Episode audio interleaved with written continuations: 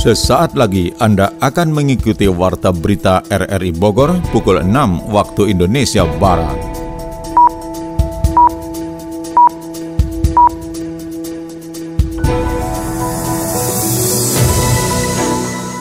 Selamat pagi, salam jumpa. Kami hadir kembali dalam Warta Berita edisi hari ini, Rabu 15 November 2023. Siaran kami bisa Anda dengarkan melalui audio streaming RRI Digital pada perangkat Android Anda dan bisa Anda dengarkan juga di audio on demand di Spotify, Anchor, Portal, dan Google Podcast. Berita utama pagi ini adalah Ratusan masa menggelar aksi solidaritas mendukung dosen senior Universitas Pakuan Bogor yang dijadikan tersangka Undang-Undang ITE. Polres Sukabumi meminta maaf kasus salah tangkap pelaku pembobolan minimarket. 740 bidang tanah warga Bojonggede Bogor belum mendapat ganti untung pembebasan lahan pembangunan tol Depok Antasari. Saya Maulana Starto, inilah Warta Berita selengkapnya.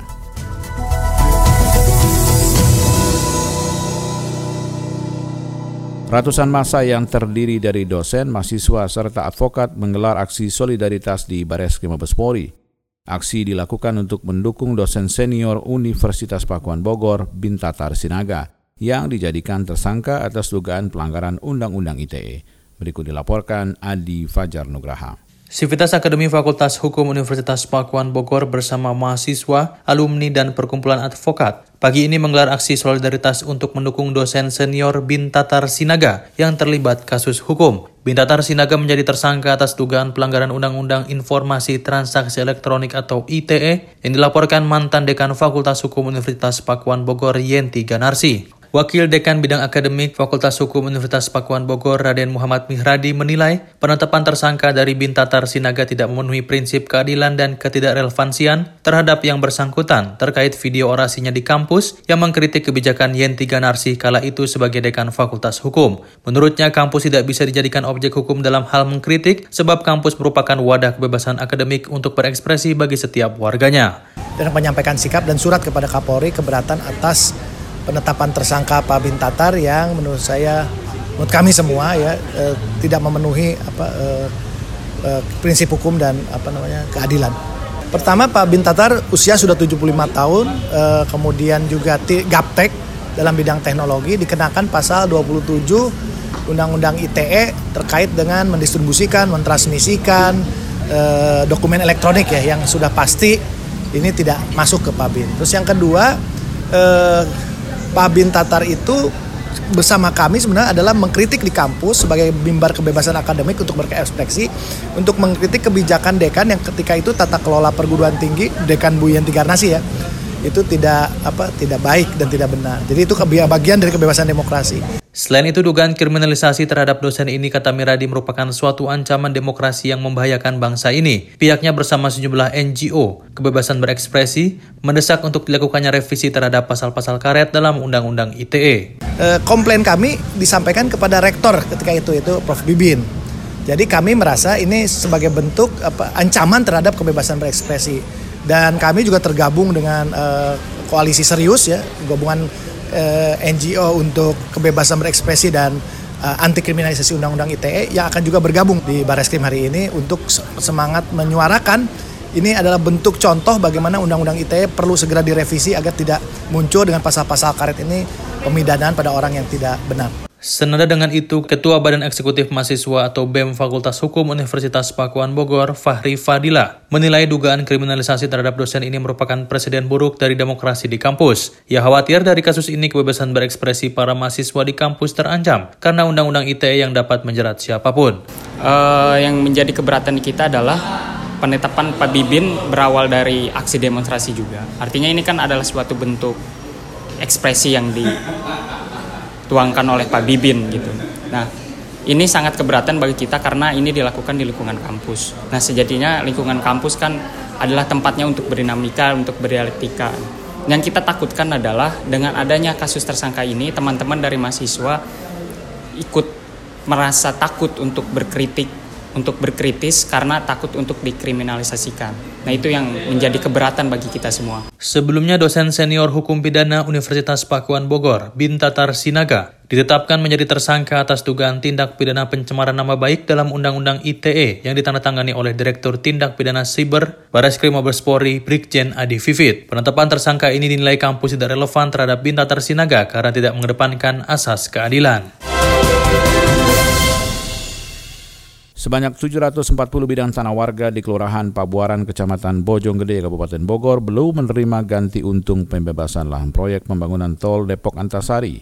Yofri Haryadi melaporkan. 740 bidang tanah warga di Kelurahan Pabuaran, Kecamatan Bojonggede, Kabupaten Bogor belum sah diganti untung pembebasan lahan proyek pembangunan tol Depok Antasari. Hal tersebut menyusul nilai appraisal lahan yang diberikan oleh kantor jasa penilai publik KJPP merugikan masyarakat terdampak. Perwakilan warga Pabuaran Bojonggede, Kabupaten Bogor, Anton mengatakan nilai ganti untung lahan yang ditawarkan tidak sesuai dengan harga pasaran tanah di wilayah tersebut. Anton menilai lahan milik warga yang sebagian dibangun rumah dan masih berbentuk pekarangan memiliki nilai jual di atas 1,5 juta rupiah per meter perseginya. Sementara dari KJPP memberi taksiran harga di bawah itu dan berlaku sama untuk lokasi bidang terdampak. Itulah uh, staf ahli Wamen menginstruksikan kepada kepala ATR BPN karena waktu itu kita pertemuan Jun dengan mereka menginstruksikan agar dilakukan pertemuan baru mereka lakukan pertemuan padahal sebelum itu kami sudah meminta kami tolonglah kami dimediasi, tolonglah kami di, dimusyawarahkan dulu. Tapi tidak pernah terlaksana. Pada saat sudah ada tekanan dari kementerian, baru mereka mau melakukan pertemuan yang. Itu pun kami dibohongi.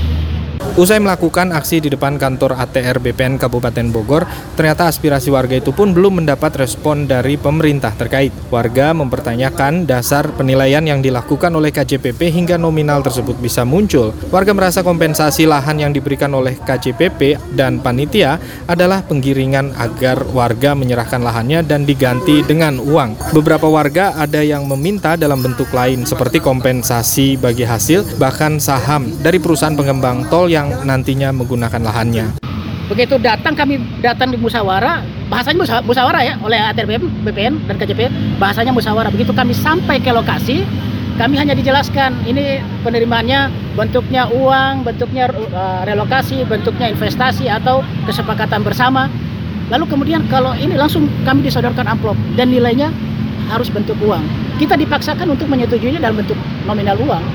Jadi digiring kita terkesan digiring oleh uh, KJPP dan juga uh, panitia untuk menilai dalam bentuk nominal uang. Berapa rumah uh, warga yang terdampak? Secara keseluruhan 740 bidang. 40 itu bidang. di Bojonggede. Kelurahan Pabuaran. Khusus Kelurahan Pabuaran aja. Ada berapa? 740. 700 Kelurahan Pabuaran.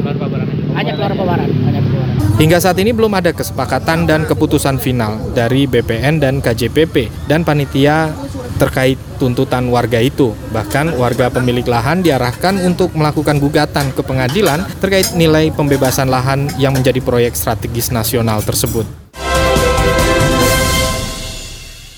Kasus salah tangkap pelaku pembobolan minimarket viral di sosial media. Kapolres Sukabumi mendatangi korban dan meminta maaf atas perilaku keempat oknum anggotanya. Berikut laporan Adi Fajar Nugraha. Kapolres Sukabumi AKBP Maruli Pardede menyambangi rumah Benal alias Iko, 36 tahun, korban salah tangkap dan dugaan tindak penganiayaan empat oknum polisi di Desa Mandrajaya, Kecamatan Ciemas, Kabupaten Sukabumi. Dalam kesempatan itu, Kapolres menyampaikan permohonan maafnya atas perilaku anggotanya yang menyebabkan kerugian bagi korban Iko dan keluarganya. Tak hanya itu, Maruli yang membawa serta tim medis dari seksi Dokes Polres Sukabumi juga turut melakukan pemeriksaan kesehatan terhadap Iko dan memastikan keadaannya dalam kondisi baik-baik saja. Maruli pun berjanji akan memproses keempat anggotanya untuk dilakukan pemeriksaan oleh Seksi Propam Polres Sukabumi untuk mempertanggungjawabkan perlakuannya. Apa yang disampaikan oleh Kasih Propam kepada saya terhadap pemeriksaan empat oknum anggota Satreskrim Polres Sukabumi. Dari sini yang pertama kita akan memproses terhadap anggota melalui mekanisme yang ada yaitu dari Propam melakukan pemeriksaan dan pendalaman terhadap kejadian tersebut. Yang kedua, saya juga mengajak kasih dokes di sini untuk ketemu dengan Pak Iko untuk memastikan bahwa Pak Iko dalam keadaan baik-baik saja dan sehat ke depan bumi dan Pak Iko beserta keluarga besarnya berkenan untuk menerima permohonan maaf. Mudah-mudahan permasalahan ini bisa selesai, clear. Iko sempat ditangkap tim Opsnal Satreskrim Polres Sukabumi pada Kamis 9 November 2023 malam. Korban ditangkap karena dituduh sebagai pelaku pembobolan minimarket yang dibobol sekawanan pencuri pada Rabu 8 November 2023 dini hari. Iko mengakui pada hari kejadian pencurian ia sempat beristirahat di dalam mobil Toyota Avanza. Mobil yang dikendarainya berhenti pas di depan minimarket yang dibobol maling. Keesokan harinya, Iko disergap oleh tim Opsnal Satreskrim Polres Sukabumi. Setelah sempat ditahan, Iko akhirnya dilepaskan oleh polisi. Kasus salah tangkap dan dugaan penganiayaan ini pun kemudian viral di media sosial. Korban kecelakaan lalu lintas yang viral ambulan disembunyikan pihak rumah sakit mendapat perawatan medis di RSUD Kota Bogor. Yofri Haryadi melaporkan. Viralnya informasi RSUD Lewiliang menyembunyikan ambulans untuk menghindari pelayanan kesehatan pasiennya akhirnya terbantahkan. Bupati Bogor Iwan Setiawan menegaskan kronologis informasi yang viral di media sosial serta sebagian pemberitaan tidak sesuai dengan fakta di lapangan. Dari hasil rapat koordinasi antar SKPD dan Direktur RSUD Sekabupaten Bogor terungkap jika pasien kecelakaan lalu lintas warga Kecamatan Nanggung Kabupaten Bogor yang dilarikan ke RSUD Lewiliang tidak sabar dalam menerima pelayanan medis dari RSUD setempat. Dijelaskan Bupati Iwan, RSUD Lewiliang tidak memiliki dokter spesialis saraf untuk melakukan penindakan medis kepada pasien kecelakaan karena tidak memiliki dokter spesialis saraf sehingga harus dirujuk ke RSUD Kota Bogor. Tukang ngepel atau apa, apa ya kebersihan, satpam, uh, di, uh, di, direktur dan direktur utamanya jawabannya nggak ada itu ambulan diumpetin. Yang ada adalah masalah uh, warga yang ingin akan kecelakaan, kena peralatan dan dokternya tidak ada, harus pakai rujukan ya. ke rumah sakit yang memang ada, spesialis bedah saraf. Ya, yang saya dapat info itu tidak sabar karena nunggu aturan memang harus ada surat pengantar dan lain sebagainya. Itu masalahnya. Jadi berita dengan yang realita di lapangan itu ternyata beda. Didampingi Kepala Diskominfo Kabupaten Bogor Bayu Rahmawanto, pihaknya sudah menginstruksikan untuk melakukan klarifikasi melalui camat Nanggung dan Kepala Desa bersangkutan untuk mengunjungi keluarga korban untuk membenarkan fakta serta kronologinya tidak seperti yang tersebar di media sosial. Uh, apa ya Camat Tanggung gimana udah, udah konfirmasi? Sudah konfirmasi dan yang benar adalah di rumah sakit. Tuh, saya kemarin rapat kebetulan rapat koordinasi seluruh SKPD dan camat. Saya perintahkan Bapak Ae Camat Nanggung datangin keluarga yang kemarin viral. Konfirmasi, klarifikasi masalahnya apa? Ternyata jawabannya benar apa yang disampaikan oleh pihak rumah sakit. Nah, ini saat ini korban kecelakaan sudah mendapatkan perawatan medis di RSUD Kota Bogor sesuai dengan diagnosa dokter RSUD Lewiliang Kabupaten Bogor. Penggunaan ambulans milik RSUD harus didasarkan pada surat pengantar dari rumah sakit ke rumah sakit rujukan dan memerlukan proses administrasi berjenjang.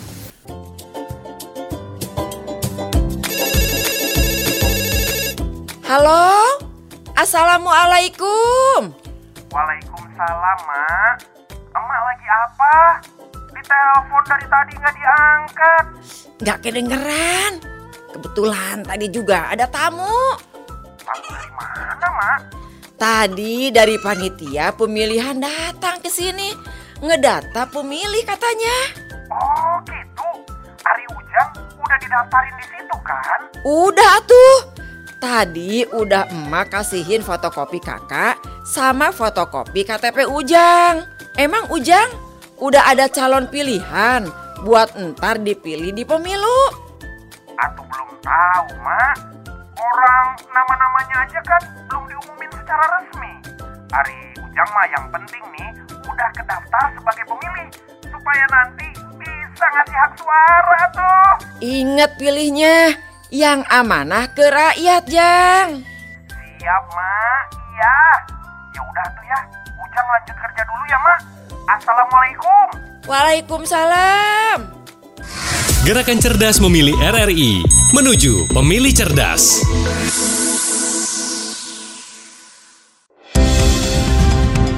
Anda tengah mendengarkan Warta Berita RRI Bogor. Polresta Bogor Kota mulai melakukan pengamanan objek vital penyelenggaraan pemilu seperti kantor dan gudang logistik. Sony Agung melaporkan. Polresta Bogor Kota melakukan pengamanan di kantor penyelenggara pemilu KPU dan Bawaslu Kota Bogor beserta infrastruktur lainnya. Kapolresta Bogor Kota Kombes Pol Bismo Teguh Prakoso menjelaskan sampai dengan saat ini upaya untuk bisa menciptakan suasana kondusif di wilayah menjadi kewajiban infrastruktur TNI Polri. Untuk itu pada tahun politik ini pihaknya menjaga sejumlah objek vital penyelenggaraan pemilu seperti kantor dan gudang logistik untuk Kota Bogor berada di kawasan Soleh Iskandar Tanah Sareal. Sesuai dengan sandi operasi-operasi mantap berata kita berkewajiban untuk pengamanan ya terhadap uh, eh, KPU, Bawaslu, gudang logistik pemilu dan ini uh, sebagai wujud supaya nanti pelaksanaan pemilu berjalan dengan lancar dan kondusif dan dalam pelaksanaannya ini kita bersama dengan rekan-rekan dari TNI. Kemarin saya uh, ke gudang KPU mengecek bersama Pak Dandim ya oh logistik pemilu ada bilik, ada kotak suara, ada segel, ada tinta. Nah, nah itu ya kita juga cek uh, apa namanya uh, personel pengamanannya ya, ada CCTV ya, kemudian uh, papan kontrol ya, gitu. Dan juga kehadiran petugas itu kita hadirkan 24 jam baik itu di kantor KPU, gudang KPU dan juga uh, apa namanya kantor Bawaslu. Saat ini sudah ada piket anggota yang bertugas di semua objek vital untuk mengamankan penyelenggaraan pemilu. Khusus untuk gudang logistik mendapatkan perhatian agar semua arus keluar masuk barang kepemiluan bisa lancar, aman tanpa terkendala. Pihaknya juga memastikan agar keberadaan gudang juga tetap aman dari musibah bencana alam bahkan jika ada gangguan lainnya sehingga aparat kepolisian berjaga selama 24 jam. Ya, terhadap yang depan, belakang, kanan, kiri, ya. Jangan sampai ada kerawanan pencurian, jangan sampai ada kerawanan kebakaran, jangan sampai ada kerawanan kebocoran ataupun tikus ya. Takutnya nanti dimakan atau dikerikiti tikus itu juga tidak boleh. Ya. Nah, terutama di gudang ya. Terutama di gudang ya karena ada logistik. Untuk kerawanan-kerawan ya. kontingensi siap nggak misalnya? Oh harus harus siap, kita siap ya. Itu sudah ada aparnya, sudah ada Eh, peralatan-peralatan borgo dan lain sebagainya. Saya tanya kemarin waktu kunjungan ke Bawaslu itu di Bawaslu daerah mana gitu ya. Hamin satu sebelum operasi mantap berada itu ada kecurian laptop begitu. Aduh. Uh, bukan di kota iya, Bogor ya. Uh, itulah perlunya pengamanan ya kan. Uh, artinya kita tidak boleh underestimate, tidak boleh meremehkan terhadap situasi keamanan. Masyarakat juga dapat melaporkan jika ada gangguan keamanan terkait kepemilihan ke lapor polisi yang sudah tersebar di aparat RT dan RW sehingga bisa cepat tertangani dengan adanya Babin Katipas yang akan melakukan penanganan. Pemkot Bogor meminta masyarakat mewaspadai penyakit demam berdarah di musim pancaroba saat ini. Adi Fajar melaporkan. Kepala Dinas Kesehatan Kota Bogor Dr. Sri Retno meminta masyarakat untuk mewaspadai penyakit demam berdarah dengue atau DBD di musim pancaroba seperti saat ini. Yang mengungkapkan sejauh ini tidak ada kasus luar biasa atau KLB yang ditetapkan oleh pemerintah daerah. Masyarakat dapat mencegah penyakit DBD dengan melakukan pemberantasan sarang nyamuk atau PSN dengan langkah 3M+, yaitu menguras tempat penampungan air, menutup tempat-tempat penampungan air serta mendaur ulang berbagai barang yang memiliki potensi untuk dijadikan tempat berkembang biak nyamuk Aedes aegypti yang membawa virus DBD pada manusia. Dr. Sri Nawareto menyebut bahwa kasus DBD di Kota Bogor memang tidak bisa dihindari karena Kota Bogor merupakan wilayah endemis dari penyakit DBD. Kalau DBD selama ini e, kalau dikatakan KLB itu kan kalau ada dua kali peningkatan pada periode yang sama. Selama ini analisa kita belum ada kasus sampai melonjak dua kali uh, peningkatan kasus pada periode yang sama ya. Jadi memang karena Kota Bogor tuh endemis DBD gitu ya. Jadi memang kasus itu memang uh, ada terus sehingga kita memang terus mengupayakan ini lagi peran serta dari semua masyarakat terutama PSN gitu ya. Kalau kita fogging fogging itu kan hanya dewasa nyamuk dewasa yang mati ya. Tetapi sumber penularannya itu yang harus kita cegah. Sanitasi lingkungan kemudian kita harus eh, PSN itu terus harus kita lakukan. Karena kita memang daerah endemis Kadinkes Dr. Sri Noworetno juga mengungkap bahwa data DBD di rumah sakit belum menunjukkan adanya tren peningkatan. Untuk itu ia mengingatkan peran serta masyarakat dan media agar memberikan edukasi dan sosialisasi terkait melakukan pencegahan dengan PSN serta tetap melakukan pola hidup sehat untuk menjaga daya tahan tubuh. Angka selama ini belum menunjukkan KLB tentu kalau memang Ya, nanti kita data lagi yang update ya. Nanti soal data harus tepat saya menyampaikan. Kita nanti saya sampaikan nanti data terbarunya ya. Tapi kita lakukan terus pemantauan untuk DBD. Apalagi di musim mulai pancaroba seperti ini gitu.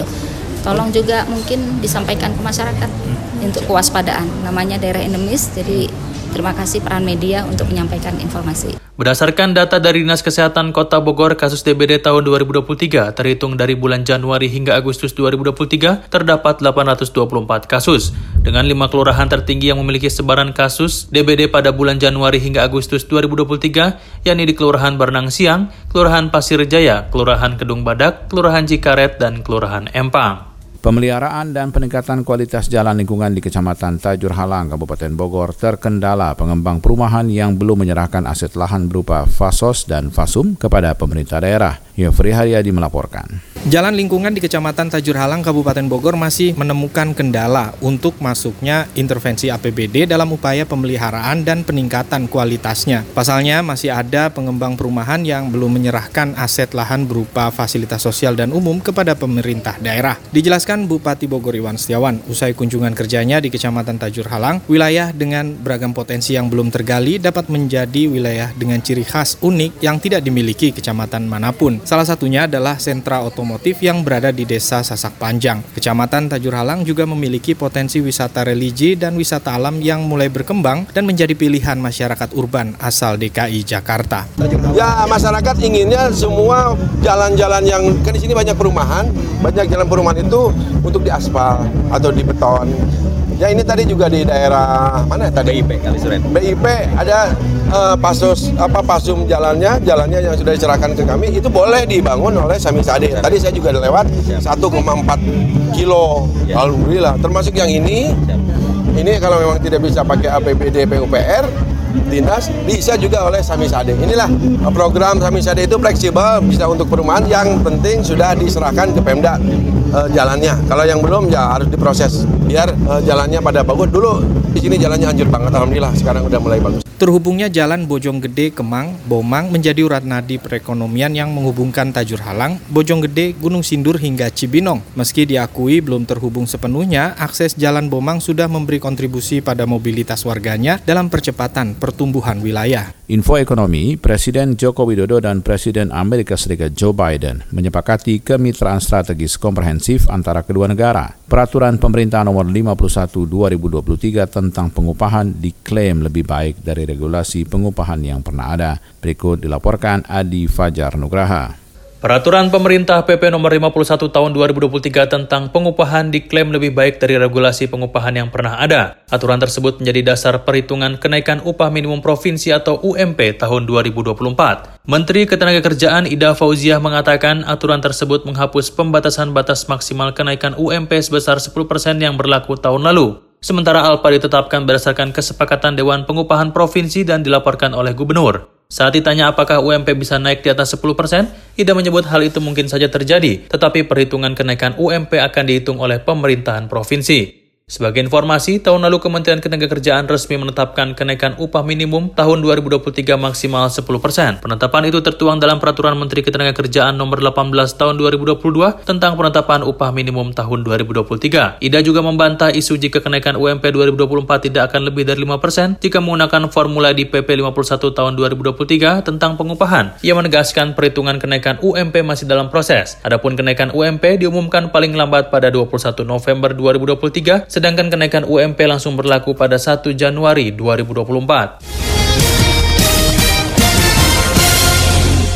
Presiden Joko Widodo melakukan pertemuan bilateral secara langsung dengan Presiden Amerika Serikat Joe Biden. Dalam pertemuan itu, keduanya menyepakati kemitraan strategi komprehensif atau GSP antara kedua negara. Dalam sambutannya pada pertemuan tersebut, Jokowi menekankan kemitraan yang dibangun Indonesia dan Amerika Serikat jangan sampai hanya jadi formalitas belaka. Harus ada kerjasama konkret sebagai makna nyata perjanjian kemitraan tersebut. Jokowi melanjutkan bagi Indonesia, makna yang harus hadir dalam kemitraan CSP adalah kerjasama ekonomi, khususnya dalam rangka membuat produk asal Indonesia bisa memasuki rantai pasok dan pasar Amerika Serikat. Presiden Joe Biden sendiri dalam kesempatan yang sama mengatakan kemitraan CSP akan menandai era baru pada 75 tahun hubungan antara Indonesia dan Amerika Serikat. Hal ini mencakup peningkatan kerjasama keamanan, khususnya keamanan maritim. Kemitraan ini juga akan menjadi cara Amerika Serikat bekerja sama membangun rantai pasok ekonomi global yang besar, aman, dan tangguh. Biden juga ingin Indonesia dan Amerika Serikat memperdalam kolaborasi untuk memerangi krisis iklim. Ia memuji Indonesia menjadi negara yang menjadi pemain kunci dalam rangka mengatasi krisis iklim.